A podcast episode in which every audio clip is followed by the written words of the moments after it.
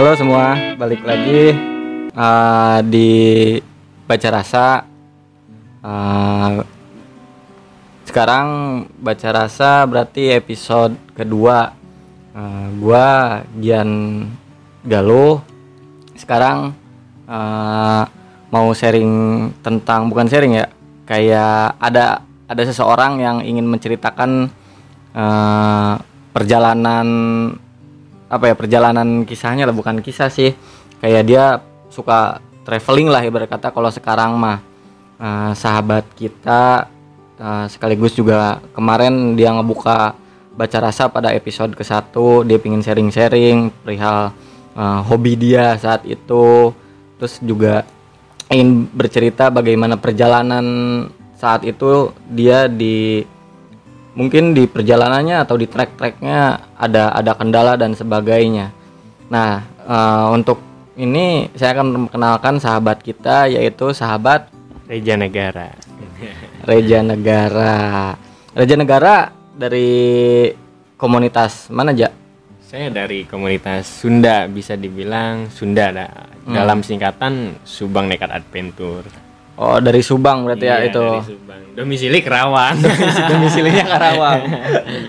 Subang berarti udah berapa lama sih Subang Sunda ini? dari 2009 kalau nggak salah. 2009 didirikannya. Iya. Ah, itu komunitas ber apa ya? Dalam ruang lingkup apa sih itunya dia? Dalam ruang lingkup bisa dibilang sih ya. Kalau sekarang apa tukang piknik kan ya kalau sekarang sekarang tapi kan ada kemanusiaannya juga dan Hmm. sebagainya Kegiatan-kegiatannya berarti bukan Iya, hanya bukan hanya ah, naik traveling gunung, kayak iya. gitu. Berarti ada kegiatan-kegiatan yang lainnya juga. Mm-mm. Hmm. Terus juga udah berapa berapa maksudnya udah berapa ibarat kata berapa gunung sih yang udah dinaikin kira-kira sama Subang ini selama perjalanannya? banyak sih, mas lupa ya kalau di satu persatu lama ya Hmm. terlalu kebanyakan lah maaf bukan sombong gitu kan Gak apa-apa, bagus. Sombong itu bagus. Sombong itu bagus kalau memang ada buktinya gitu kan. Iya. Gak apa-apa itu justru bagus. hampir udah selesai sih pulau Jawa Pulau mah hampir pulau iya Hmm. Pengalaman yang paling berkesan selama maksudnya selama traveling itu ke gunung mana sih? Paling Kalau- berkesan. Kalau saya pribadi ya Gunung Salak mas Gunung Salak. iya Hmm, Gunung Salak. Gunung Salak itu di daerah Bogor. iya Oh, Bogor Bogor. Yang pas itu ada tragedi apa tuh? Sukhoi dulu tuh tahun 2000 berapa tuh lupa dah pokoknya Oh, tragedi pesawat lupa. itu ya? iya Hmm, tragedi pesawat ah. Nah, juga kan Gunung Salak berarti pas itu nanjak Gunung Salak itu tahun berapa tah? Kemarin tahun 2019, Tahun 2019. tepatnya di tahun baru eh tahun baru maaf eh, ulang tahunnya Indonesia lah. Oh, ulang tahun bisa Indonesia. dibilang Ah, ah, 17 ah, ah. Agustus. Mm-mm. Terus itu Pia mana tuh? Saya lewat. akan ada tiga tuh Mm-mm. jalur ada Pasir Rengit, Mm-mm. terus ada Cidahu sama Cimlati kalau nggak salah. Mm-mm.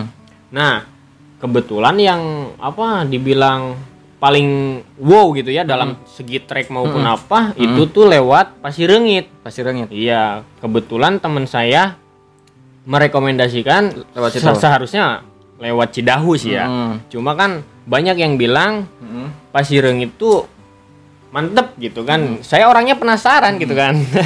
Makanya saya lewat Pasirengit gitu. Mm-mm. Berapa orang saat itu? Saat itu tadinya mau berdua, Mas. Kala itu mau berdua sama sahabat Rian. Mm-mm. Ketika saya pulang dari Gunung Merbabu belum lama kemudian selang beberapa hari Rian telepon mau ke Gunung Salak gak ada temen katanya. Ah. Nah di situ saya ayo kata saya briefing dulu tuh berdua pulang ngampus Ya. sekitar jam berapa gitu. Nah di situ ada teman saya pengen ikut di Wadekar tuh Ah, kebetulan lagi di lagi warung. ini iya lagi nongkrong pulang sekolah eh pulang kuliah Mm-mm.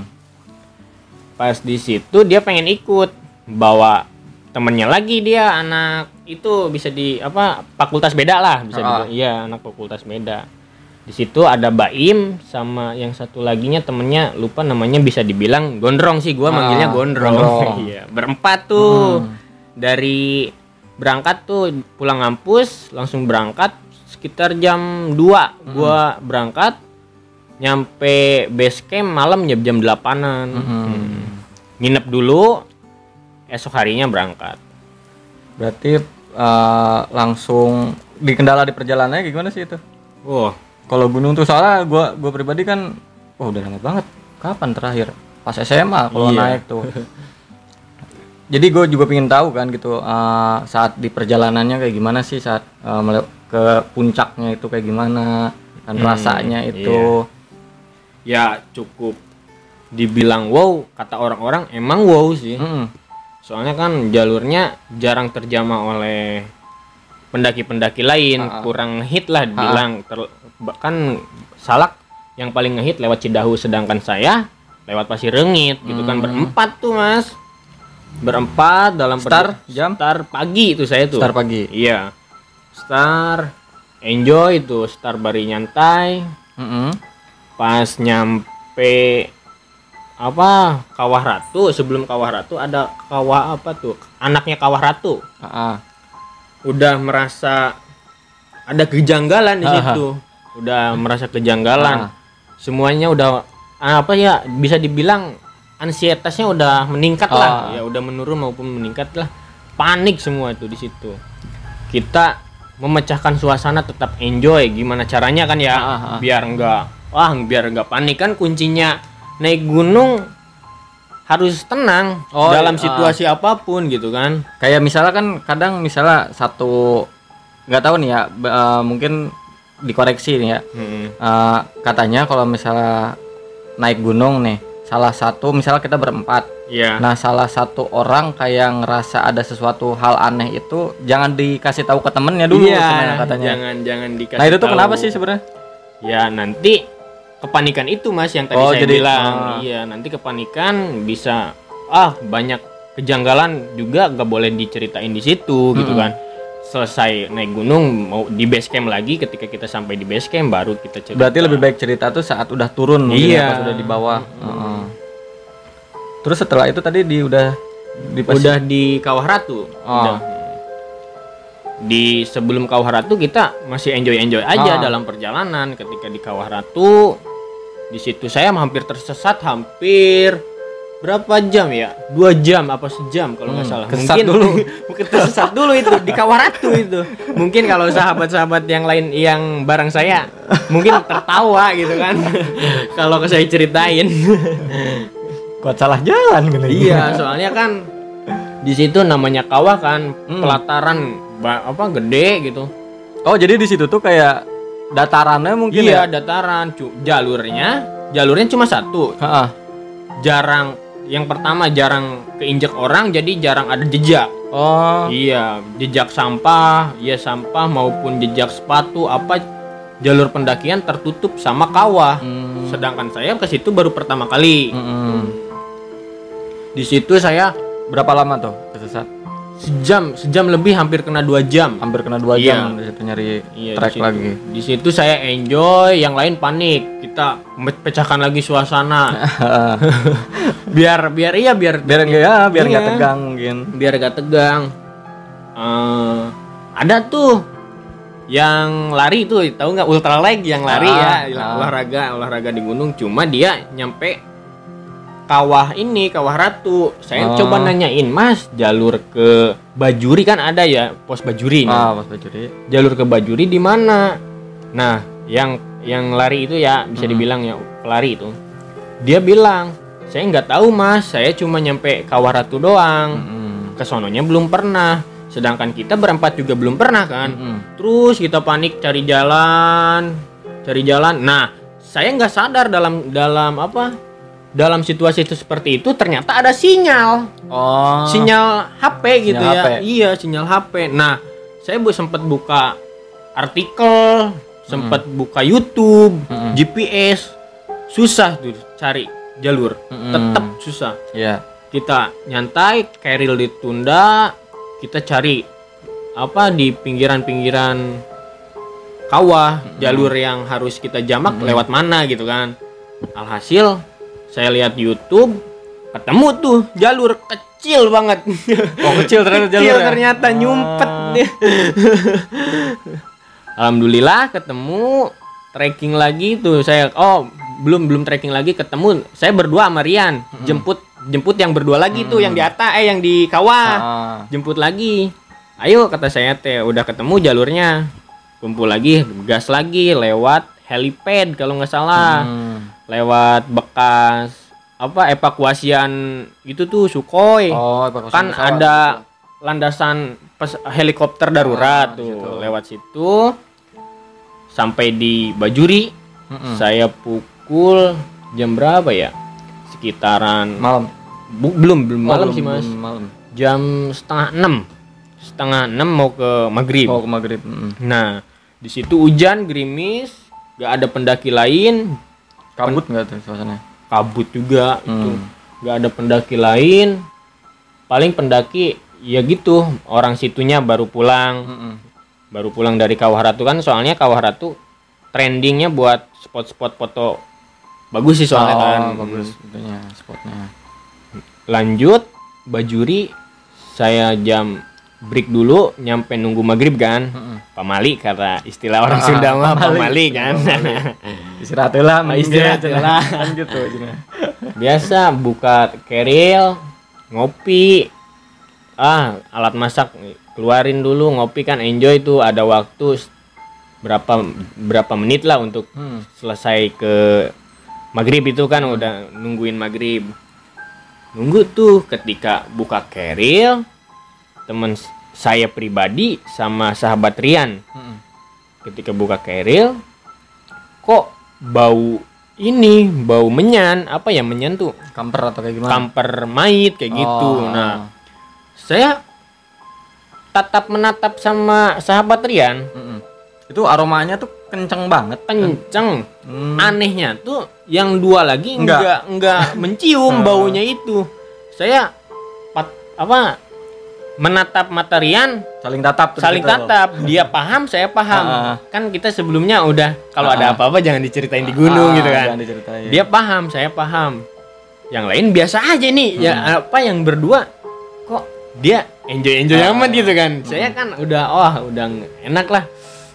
Aduh, boleh tarik napas aduh. Aduh. Soalnya ini merinding banget gitu Ah. kalau diomongin. Pas itu tuh masak petir apa segala macam terus oh pokoknya udah hujan lah udah matahari udah udah nggak ada kan udah maghrib ya Mm-mm. pas di situ udah packing lagi mau lanjut ke niatnya langsung summit gitu kan Mm-mm. pas di mana nggak lama dari Bajuri mau cari air mas ceritanya cari air sumber air lah Mm-mm. Ada sumber air cuma kotor. Darurat sedangkan kita bawa air secukupnya gitu Ah, kan harus cukupnya. aduh di situ udah ada kepanikan lagi. Lanjut cerita tempat camp saya di ini teh nomornya teh KH eh KH lupa saya itu apa ya nomor pokoknya di kalau ke Gunung Salak pasti pakai nomor tuh. Di Nomor apa? di setiap per met, ap- 10 meter pasti ada nomor gitu kan Mhm. nah kebetulan saya ngecamp di nomor berapa lupa lah ya Mm-mm. lupa udah lama juga kan pas buka tenda itu jam sekitaran jam 11 kalau nggak salah 11 malam buka tenda tidur tuh Hmm. tidur Masang tendanya berarti udah malam juga ya? udah malam soalnya Masih di Bajuri. Ah, udah udah udah Udah lewat lewat. bajuri udah lewat mau arah puncak Mm-mm. Pas itu buka tenda tidur semua. Saya masih bangun mas. Sendirian. Ulang ulang ya. Ulang ulang kan. Ulang, eh. tidur saya juga. Pas sekitaran jam setengah tiga jam tiga kurang lebih jam segitu saya kebangun. Banyak kayak banyak apa sih? Suara. Mm. suara di di luar nih. Kan saya ngakem dekat jalur pendakian. Iya. Kayak banyak pendaki lain Mm-mm. kata saya nih ya. Sendiri saya nggak ngebangunin orang. Mm. loh kok banyak banyak yang lain gitu kan? Kayak banyak pendaki. Suara sepatu kayak gimana sih? Ah, Buk, ada jejak langkah. iyalah ada jejak kayak banyak kan mas. Kayak banyak kan saya penasaran. Orangnya kan saya sih penasaran kan. Dicek te- lah buka tenda sama saya teh. Buka tenda dilihat dia eh, suaranya tuh hilangnya ke arah kanan dari saya gitu kan ke arah kanan dari tenda. Mm-mm. saya lihat ke arah kanan saya. Kok nggak ada? Kan barusan saya dehem. Apa ya istilah? Gitu kan. Ah, nah di dehem. Nggak ada orang kata saya. Itu siapa tadi? Jelas itu mas. Oh, jelas. jelas. banget. Lebih dari ah banyak pokoknya. Tapi posisi yang lain nggak ada yang bangun kan? nggak ada saya doang. Jam setengah tiga jam tigaan. Mm-mm. kala itu saya tidur lagi. Bangun jam berapa ya? Bangun teh jam kalau nggak salah ya jam setengah delapan. Karena kesiangan tuh kesiangan dikit. Karena niatnya jam 7 mau lanjut. Karena kecapean mungkin ya kelelahan. Saya s- bangun jam 8 start jam 9 langsung gas puncak Langsung gas tuh. iya gas puncak. Pagi berarti ya itu pagi. Iya bagi jam 8 jam lanjut ke puncak itu tanpa air saya. Tanpa air. tanpa Nggak ada sumber air nggak ada sumber air karena air di bajuri keruh. Hmm. keruh namun sedikit. Kalau kita saring kalau kita saring ya kasarnya darurat ya bisa dibilang. Percuma mas. Soalnya dikit banget. Ada segelas kali Oh. air tuh di bajuri saya bingung tuh ya udah. Terus ngakalinnya gimana? Tanpa paksain aja kita. niat gitu. saya kan kalau udah di udah di mau ke puncak banyak pendaki. Soalnya yang di lewat Cidahu pasti ketemu. Oh, iya. nah- nah, nanti kata saya teh nanti ngegembel aja gitu kan. Minta, Minta air lah, ya barter. Ah. sama apa kek kan kita logistik gitu kan barter. Ya udah lanjut. Barter tuh air apa Ketemu tuh ada. pendaki. ada ada pendaki dari Tangerang sahabat siapa lupa namanya eh itulah pokoknya lupa dah Iya. ketemu di puncak eh ketemu sebelum di puncak Belum di puncak. itu minum air sedikit Mm-mm. pada sedikit lah namanya juga Ngirit. minta Ah, kan ngirit. iya Ngirit ngirit juga. namanya juga minta terus pas di puncak teman saya ke puncak saya nyantai dulu udah banyak ada yang aneh-aneh gitu Ah. mas saya sendiri ge teman saya yang lain ke kan ada makam tuh apa kalau nggak salah sumber sumber air tapi kayak gua ke bawah gitu Ah. mas sama patilasan kalau nggak salah Hmm. nah teman saya udah nunggu di situ saya sendirian di da- di di sebelumnya Mm-mm. saya udah udah apa ya kasarnya udah nggak enak gitu perasaan. Saya samperin. Teman saya yang lain berdua udah udah kayak raut muka aneh gitu kan. Saya pas turun pas turun ya lanjut lanjut cerita pas turun diceritain lah. Langsung cerita itu. langsung tadi. ceritain keluh kesah. iya di dari pertama nyampe puncak diceritain ternyata lebih seram dari saya gitu kan Salah iya. Apa aja tuh? temen saya pas sebelum tempat camp nih ya ah. tadi pas dia omongin tempat camp dia bilang ini cerita pas di bawah Mm-mm, ya kita report turun, lah ah. kita pas sebelum tempat camp yang tadi Tea dia bilang ketemu inilah itulah gitu kan dia apa pas malam jam sembilanan pakai headlamp Mm-mm. tungkul ya nunduk lah bisa nunduk, pas lihat lihat trek agak ke atas Anu aneh iya gitu kan. Ada mata sorot mata. Apa kat- katanya ya ini apa eh badannya gede gitu kan. Nanti kalau ini mah apa kalau lebih detail gitu kan lebih detail kita panggil aja narasumbernya dia. nanti kita suruh berbicara lah ber- bercerita. Berarti cuman pas itu cerita lagi ada reportnya kayak gitu mungkin ya ketemu yang aneh Iya. mungkin. terus ngomongin yang bau kamper. Iya betul. Anjing gila ya. Gila mas. Aduh. Nggak kebayang anjir Nggak bau kamper kayak gitu. Bau kamper yang hujan. mencium cuma berdua kan? Nah, hujan lagi sore. Iya, aduh. Kalau kalau kasarnya kalau saya dibayarin lagi, kalau ada, kalau ada, kalau enggak suruh ke Gunung Salak saya nggak mau itu. Kapok saya udah dah. itu pengalaman yang paling masih bisa diingat di Gunung Salak iya Gunung Salak selama ini ya? belum ada mungkin di pengalaman di gunung mana kayak yang iya paling serem cuma salak doang aduh tapi emang apa kan gua awam kan belum terlalu tahu lah gitu kan iya. tentang naik gunung atau trek-treknya kayak gitu itu tuh hampir semua gunung atau gimana sih ya tergantung sih tergantung medan. Atau emang mindset kita sebenarnya? Kalau mindset apa ini teh? Hmm, Wah, uh, mindset kita kayak misalnya ya kan lagi uh, dari lagi ngehits tuh pas tahun berapa kan banyak kasus tuh katanya di lau kayak Iya. gitu. Terus di salak juga kan. Itu tuh emang dari mindset kita saat ngeliat berita-berita kayak gitu terus saat naik semakin takut atau Iya. emang gimana? Iya seharusnya sih kalau misal mau naik ke gunung Mas nih mau naik ke Gunung Semeru, jangan lihat dulu mistisnya, Oh, cobain aja dulu. cobain dulu, Iya, gitu. baru pulangnya lihat artikel lah, YouTube gitu kan. bener Kisah- atau enggak gitu yang iya, dirasain maki- tadi itu. ma- makanya langsung disinkronin sama Hmm. cerita kita, maksudnya pengalaman pribadi gitu kan. berarti emang jangan mindset kita dari awal udah takut gitu Iya, Itu tuh kacau nantinya. malah malah makin bahaya iya, kan? amburadul.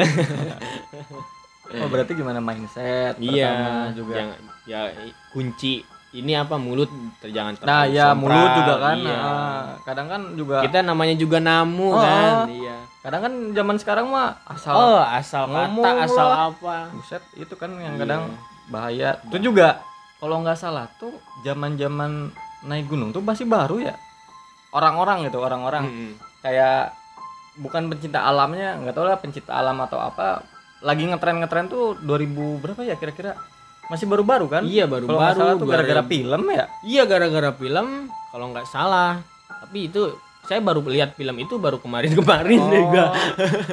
iya saat perasaan nggak nggak terlalu nggak terlalu ngetren gitu lah Iya, Tetap- tapi enak juga tempat tem- ah. apa jalur-jalur masih Mm-mm.